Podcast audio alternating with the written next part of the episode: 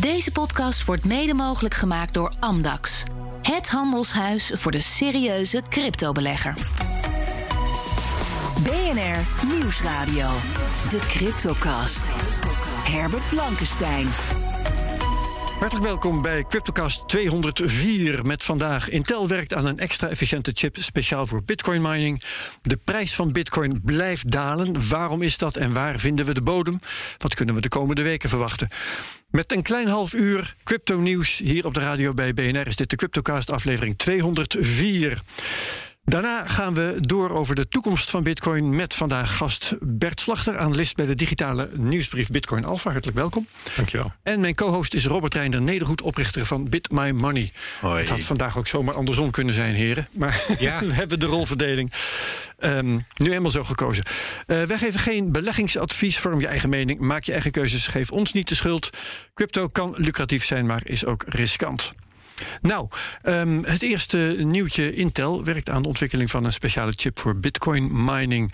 Eh, Bert, eh, jij enig idee hoe die er zo'n beetje uit gaat zien, die chip? Nee, volgens mij is dat gewoon ook nog niet bekend. Want ik dacht dat het een eh, studie was die bekend was gemaakt. En later nog wat nieuws over ehm, dat er één miningbedrijf is die er dan iets mee gaat doen. Hè, dat daar een soort deal gemaakt is. Ja. Maar volgens mij nog geen details over hoe die eruit gaat zien. Of over hoe het precies gaat werken en zo. Nee, maar goed, Intel heeft die ambitie. Is- Zou het een behoefte zijn van de markt? Of misschien ook een behoefte van Intel? Dat zijn natuurlijk verschillende dingen. Nou, ja, dan is even de vraag. Wat voor behoefte? Hè? Want we hadden het eh, in, in de aankondiging had je het over een extra efficiënte chip. Nou, daar heb ik wel zo wat eh, mijn twijfels bij, gedachten over. Of Maar- dat wel zou kunnen, bedoel je? Nou, of het wel zinvol is, maar ehm, Hm? ik, ik denk wel dat de markt behoefte heeft aan een extra fabrikant. En want dat is natuurlijk altijd een zwakke punt geweest. Ja. Dat er. Wie is op dit moment de dominante fabrikant? Ja, Bitmain ik, eh, Ja, is oh ja. de, de fabrikant van mining, eh, de, de Antminer en zo, die bekende apparatuur. Ik, ik weet niet of zij zelf ook de chips maken en ontwerpen. Maar goed, het zal in ieder geval, eh, dat is in ieder geval één kolommetje. En het is Ja. op zich gunstig, denk ik, als daar ehm, alternatieven bij komen. En ik weet dat er ook meerdere. ehm, ja, start-up, scale-ups in Amerika bezig zijn. Omdat men het ook heeft geïdentificeerd als een zwakke plek. Hè? Want we willen natuurlijk bij Bitcoin extreme decentralisatie. Dat er helemaal nergens een, een punt is waar een klein groepje mensen het voor het zeggen zou kunnen gaan Ja, hebben. ja.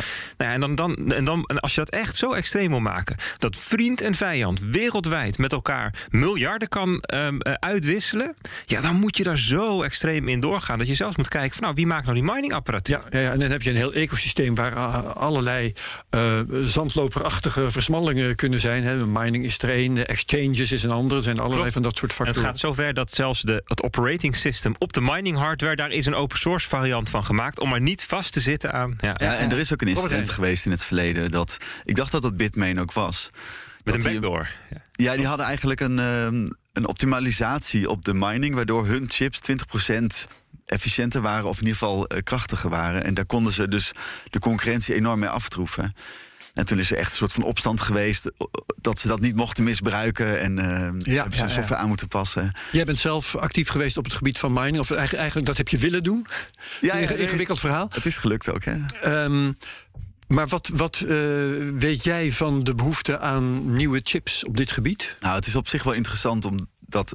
Eigenlijk als je, maar dan moet je eigenlijk naar de concurrent kijken van Intel. Dus AMD die had eh, heel veel grafische kaarten. Concurrent op het gebied van processorchips dan Processor onder andere. chips, Ja, ja. Dus die maken heel veel grafische kaarten voor gamers. Dat is eigenlijk hun doelgroep.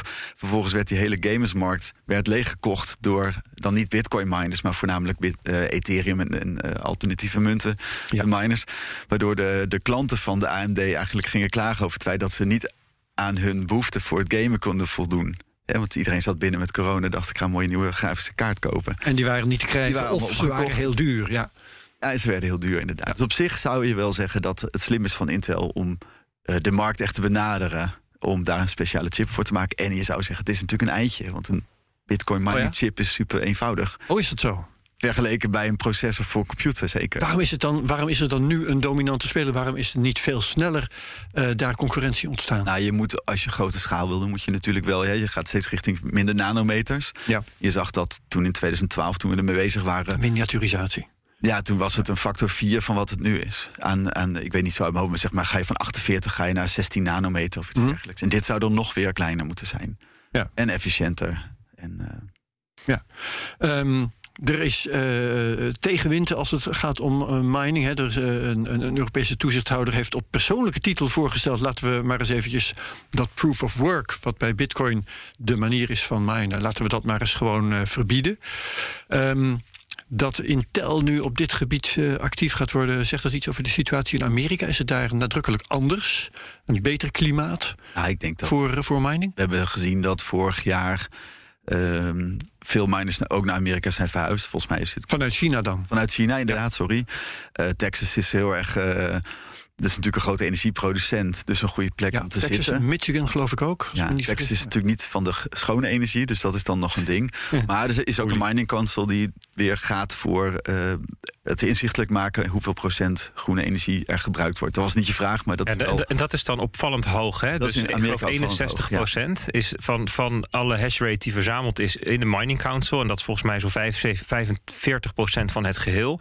En, en, en die miners die daarin zich verzameld hebben, die is 61 procent hernieuwbare schone energie. Dus blijkbaar ook Ja. in Texas. Maar weet je ook of dat, of dat dan water of zonne-energie is? Ja, of wind. Want ehm, je hè? hebt natuurlijk wel Maakt heel veel zon dan? ook in. eh, nou, nee, ik dacht meer van Texas is natuurlijk aan de ene kant olie, maar aan de andere kant aan het zuiden Nee, van Amerika. Dus je hebt ook Ja, onwijs Maar goed. de Mining Council beperkt zich niet tot Texas, toch? Nee, nee, zeker Nee, niet. Maar ze proberen zoveel mogelijk eh, partijen aan te sluiten. Alleen Ja. er zitten natuurlijk ook gewoon miners in Kazachstan die zeggen: joh, ik doe mijn eigen ding. Dus ze hebben niet iedereen, maar wel dus bijna de helft van alle eh, rekenkracht. Die, die, die doet mee vrijwillig om verantwoording af te Maar zo'n cijfer van 61% hernieuwbare energie, is dat betrouwbaar? Want dat komt natuurlijk wel van een belangenclub. Tuurlijk, dus het is, een, het is zelfrapportage. Ja, Ja. dat is waar. Dus, dus daar zou je, als je daar heel eh, ehm, kritisch op bent, even in moeten gaan wroeten als Oh, journalist. Dat kan, daar is natuurlijk niks mis mee. Ja. Maar kijk, wat ze in Texas bijvoorbeeld doen, is ehm, de zonnestroom gebruiken op het moment dat, het, dat er geen afnemers voor zijn. Weet je, dat soort dingen. Kijk, min, miningapparatuur heeft namelijk een hele bijzondere eigenschap dat je het in een paar seconden kunt uitschakelen. Ja. En dat, dat maakt dat als, de, als er ineens vraag is of de vraag uitvalt, dat je dat dus dat je die energie dan kwijt. Kijk, die zon kun je niet uitzetten. hè, Die is er toch, weet je wel. Dus dat soort vormen gebruiken ze dan in Texas bijvoorbeeld. En het en afvakkelen van gas, hè, wat daar toch zeg maar een soort bijproduct is van, het, eh, van de olie. ik Voor dus denk- even een zijpaadje. Ja, ik denk dat Ja. vroeger ook de hardware veel duurder was. Dus nu als Intel komt met zo'n chip, dan is, is je initiële aankoop goedkoper. En daarna is het vooral energieverbruik wat de kost is. En als de, de initiële aankoop lager wordt, kun je ook permitteren om hem af en toe uit te zetten om gewoon stroom te leveren aan consumenten of bedrijven. En dan als het s'nachts waait, stroom te leveren aan je eigen mining eh, Ja. fabriek. Ja, ja. Ehm, de, de AMD werd al genoemd trouwens. Jij deed het geloof ik, Robert Reinder. Ehm, eh, AMD eh, heeft eigenlijk de omgekeerde strategie van Intel lijkt het wel. Want die maken een Ja. videokaart nu, de RX 6500. Ehm, en die is juist zo gemaakt dat die heel slecht is in mining. Wat is dat voor stap?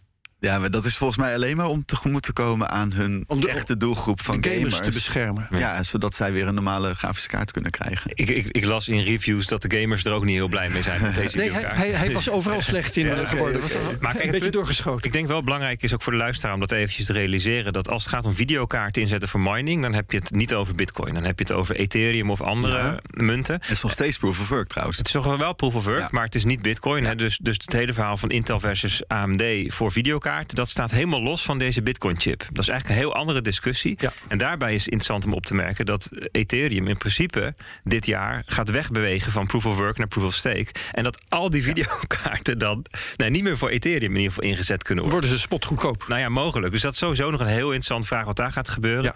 Maar specifiek voor Bitcoin, ja, daar gaat die chip dan over. Ja, en dan, dan heb ik daar nog wel de kritiek op dat wat heb je aan een efficiëntere chip? Want als iedereen een efficiëntere chip gaat gebruiken, dan verandert er de facto niks. Omdat het niet gaat om hoeveel hashes kun je Dat berekenen. zei je aan het begin. Eh, Ja. Je wist niet of daar wel behoefte aan was. Nou ja, of het nuttig is. Dus Ja. kijk, het punt is. Is het niet strijdig met proof of work? De, de- het idee daarvan is juist dat je zo hard mogelijk moet werken. Dus eigenlijk zoveel mogelijk elektriciteit moet spenderen. Nou ja, precies. Want het maakt namelijk niet Om- uit om eigenlijk je hoeveel te je berekent. Als het maar proportioneel is tot, tot het geheel. Hè. Dus op het moment dat, dat chips allemaal minder snel worden... dan gaat gewoon de difficulty wat omlaag.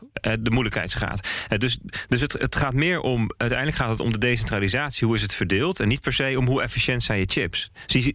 Tenzij die chips heel duur zijn en weinig stroom gebruiken... En dan, dan zou je misschien kunnen zeggen... nou, dat is goed voor het totale stroomverbruik gaat iets omlaag, terwijl de uitgaven wel hoog blijven of zo, zoiets. het is een wapenwedloop. En als je nu een nieuwe chip hebt en je begint nu met een nieuwe uh, investering in mining, dan weet je dat je energiekosten in de toekomst lager liggen. Ja, dus het is voor dezelfde hash rate. Precies, dus het is goed voor miners die hierin investeren en het is goed voor Intel. Maar of het nou goed is voor de wereld of voor Bitcoin, dat vraag ik me af. Nou, ik denk dus wel, als ze ook goedkoper worden, dan heb je nog het voordeel dat je dus die groene energietransitie in kan zetten. Oh ja, kan je ze uitzetten zonder dat je al grote investeringen hebt gedaan. Oké, nou dat is mooi. Daar, laten we het daarmee besluiten. dit deel van uh, dit eerste nieuwtje.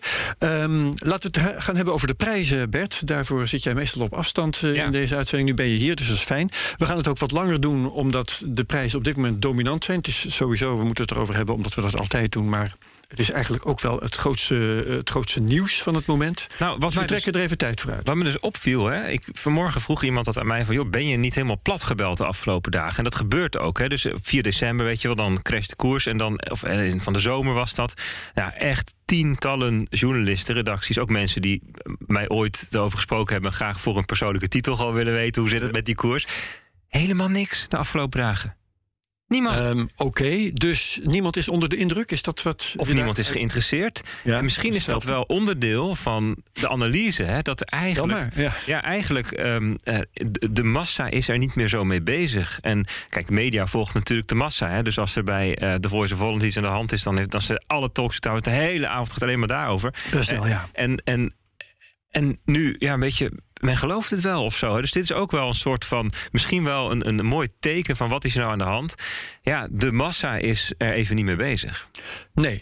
Um, is dat misschien een gevolg van het afgelopen jaar, waarin we toch wel een, een, een behoorlijke opeenvolging hebben gezien van toppen en dalen? We zijn er een beetje moe van, we geloven het verder wel.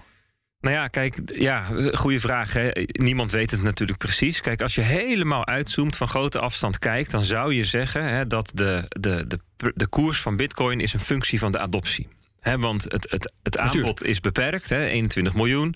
En um, de vraag die neemt toe als adoptie toeneemt. Of af als adoptie zou afnemen. He, dat zie je natuurlijk niet vaak bij technologie. Alleen maar als op een gegeven moment technologie weer verlaten wordt. Zoals de CDI-speler, om eens wat te noemen. Ja. en, maar dus, dus even, zolang we nog zien dat die adoptie toeneemt. En dat zien we. Dus als je bijvoorbeeld in Nederland kijkt, vorig jaar van 1 miljoen naar 1,6 miljoen mensen. Die crypto assets die bezitten. hebben, ja. En nou, dan zie je in allerlei landen zie je dezelfde soort uh, uh, ontwikkeling. Ja, dan verwacht je dat die, die, die koers over de termijn van jaren stijgt. Ja, en tussendoor zie je natuurlijk ontzettend veel pieken en dalen. Hele hoge volatiliteit, bewegelijkheid van de koers. Ja. En die, gaan, die, die komen uit allerlei kleine bubbeltjes. Ineens gaat het over NFT's of het gaat over metaverse. Of nou, we moeten allemaal toch maar in de bitcoin, hè, zo gaat het dan. Of, ja. um, en, en dat zijn eigenlijk allemaal kleine bubbeltjes met kleine stukjes hype eraan vast. En dat, dat gaat ook weer weg. Nou ja, dat hebben we vorig jaar gezien. Begin van het jaar. Vorig, ging overal ging het weer over crypto. Ja. Bij de kapper, eh, de taxi. Robert Reinig, uh, ja, ja, ik wil eigenlijk. Die NFT's die komen heel veel in het nieuws. En is eigenlijk standaard. Uh, een of andere onbekende artiest of een kind van elf heeft iets gedaan en heeft nu 400.000 euro verdiend. Smijt of 12 miljoen of ja. noem een getal. Ja. En dat is zeg maar sensatie.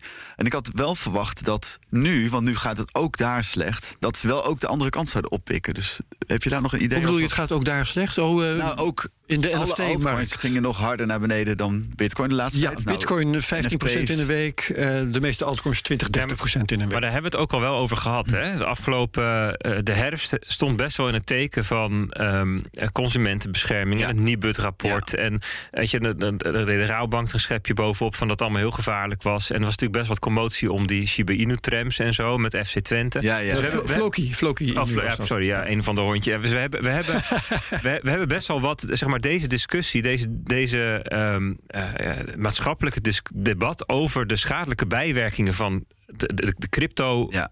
crypto casino, zeg maar, die hebben we ook echt gehad afgelopen. Daar, en dat is daar. Maar je krijgt, ja, dus daar zijn we een soort van klaar mee als ja. massa. Dat vind ik ja. wel met je eens. Merk jij dat bij uh, trouwens ook? Jullie hebben klanten. Uh, ja, we zijn wel gebeld hoor. Toch wel? Ja, gewoon. Maar wel van, weet je, toch inderdaad, wat je ook vraagt hier staat van wanneer houdt het op? Dat is een beetje de vraag van wanneer houdt het op? Ja. Of waar komt het door? Mensen willen toch houvast. Ja. ja. Ja, we willen graag stabiliteit. Oké, okay. um, maar die prijzen, Bert. Um, je hebt de afgelopen weken allerlei uh, analyses op ons losgelaten. Ja. Um, je zei vorige week bijvoorbeeld: het is moeilijk voor de koers om weer terug te stijgen omdat de prijs zo hoog is.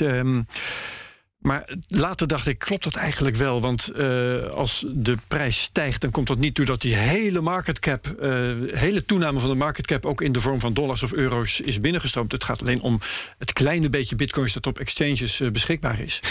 Dus hele dunne handel kan de koersen aardig laten stijgen. Dat gebeurt ook vaak. Ja, dus wat je, wat je ziet het aan de aanbodzijde um, was voorheen, zeg maar, acht jaar geleden, was de, um, de beloning van de miner die was uh, het belangrijkste. Hè? Dus je had elke, elke. Nu komen er 900 bitcoins per dag in omloop. Ja. Het was 1800, was 3600.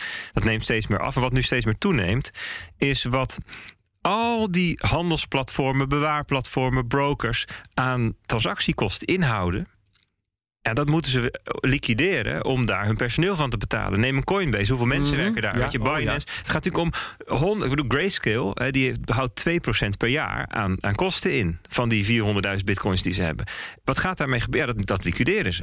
dus de dus een, een best wel grote stroom gewoon van, van al die spelers rondom crypto die, die, die, die op de markt komt. En hoe hoger de koers is natuurlijk, hoe meer dat ook is. En dat moet wel, er moeten wel organische vragen tegenover staan. Dat is wat ik bedoelde. Ja, ja, ja. En, en, en elk uh, investeringsbedrijf dat geweldige hoeveelheden bitcoins aan moet juist van die geweldige hoeveelheid een percentage.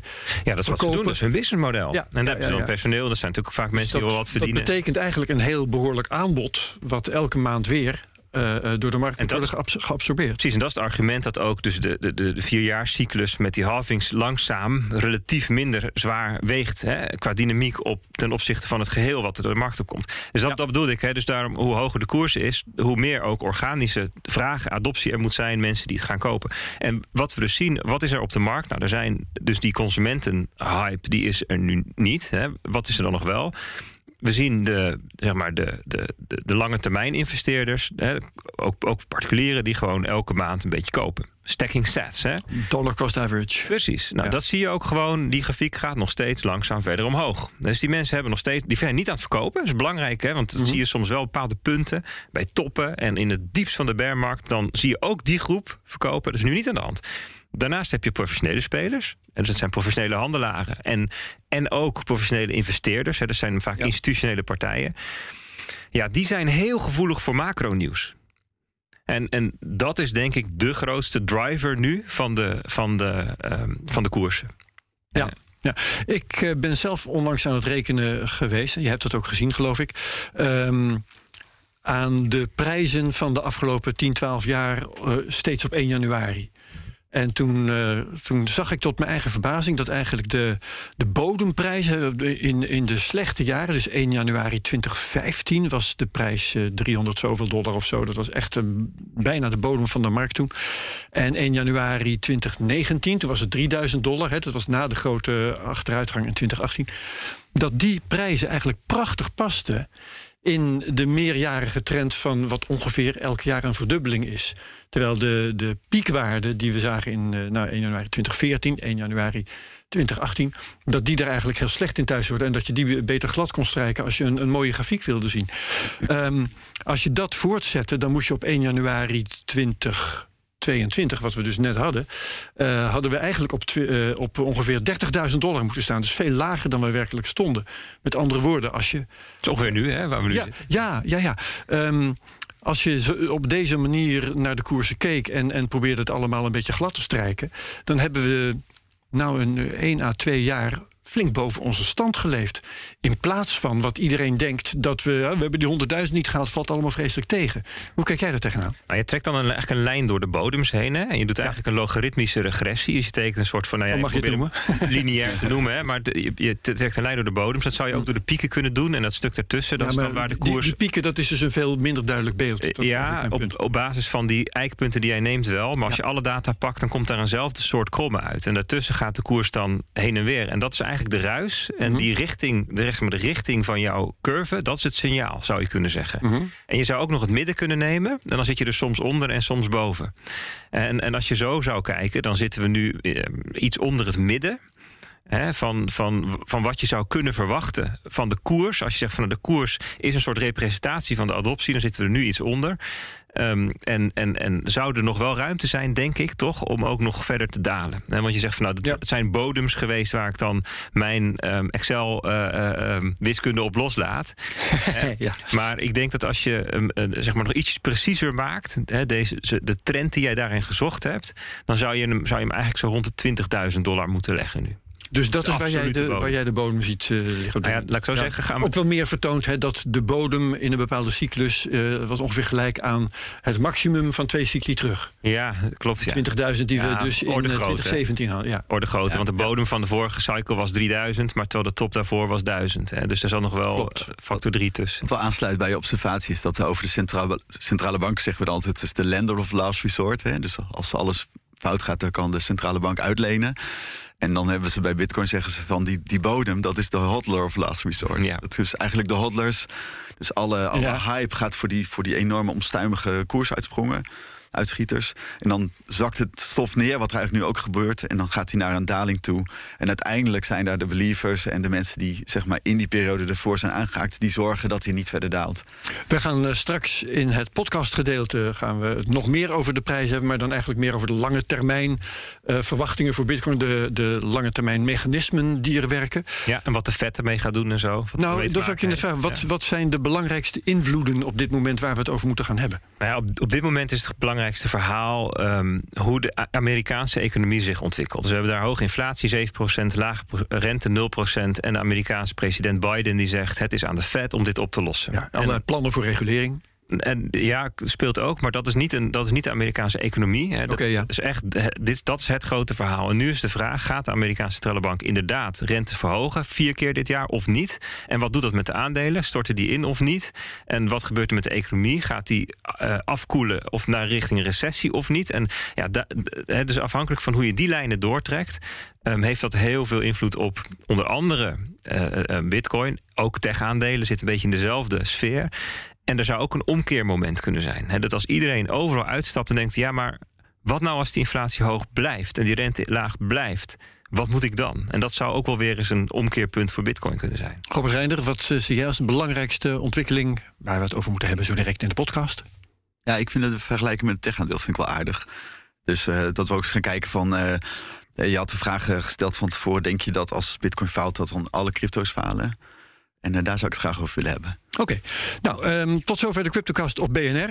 Bedankt Bert Slachter, bedankt co-host Robert Reinder Nedergoed. Uh, we gaan het zo direct voortzetten in de podcast. Dus wie meegaat, uh, zeggen wij graag tot straks. Wie afhaakt, even goed bedankt. Graag tot de volgende week met de CryptoCast op BNR. Deze podcast wordt mede mogelijk gemaakt door Amdax. Het handelshuis voor de serieuze cryptobelegger.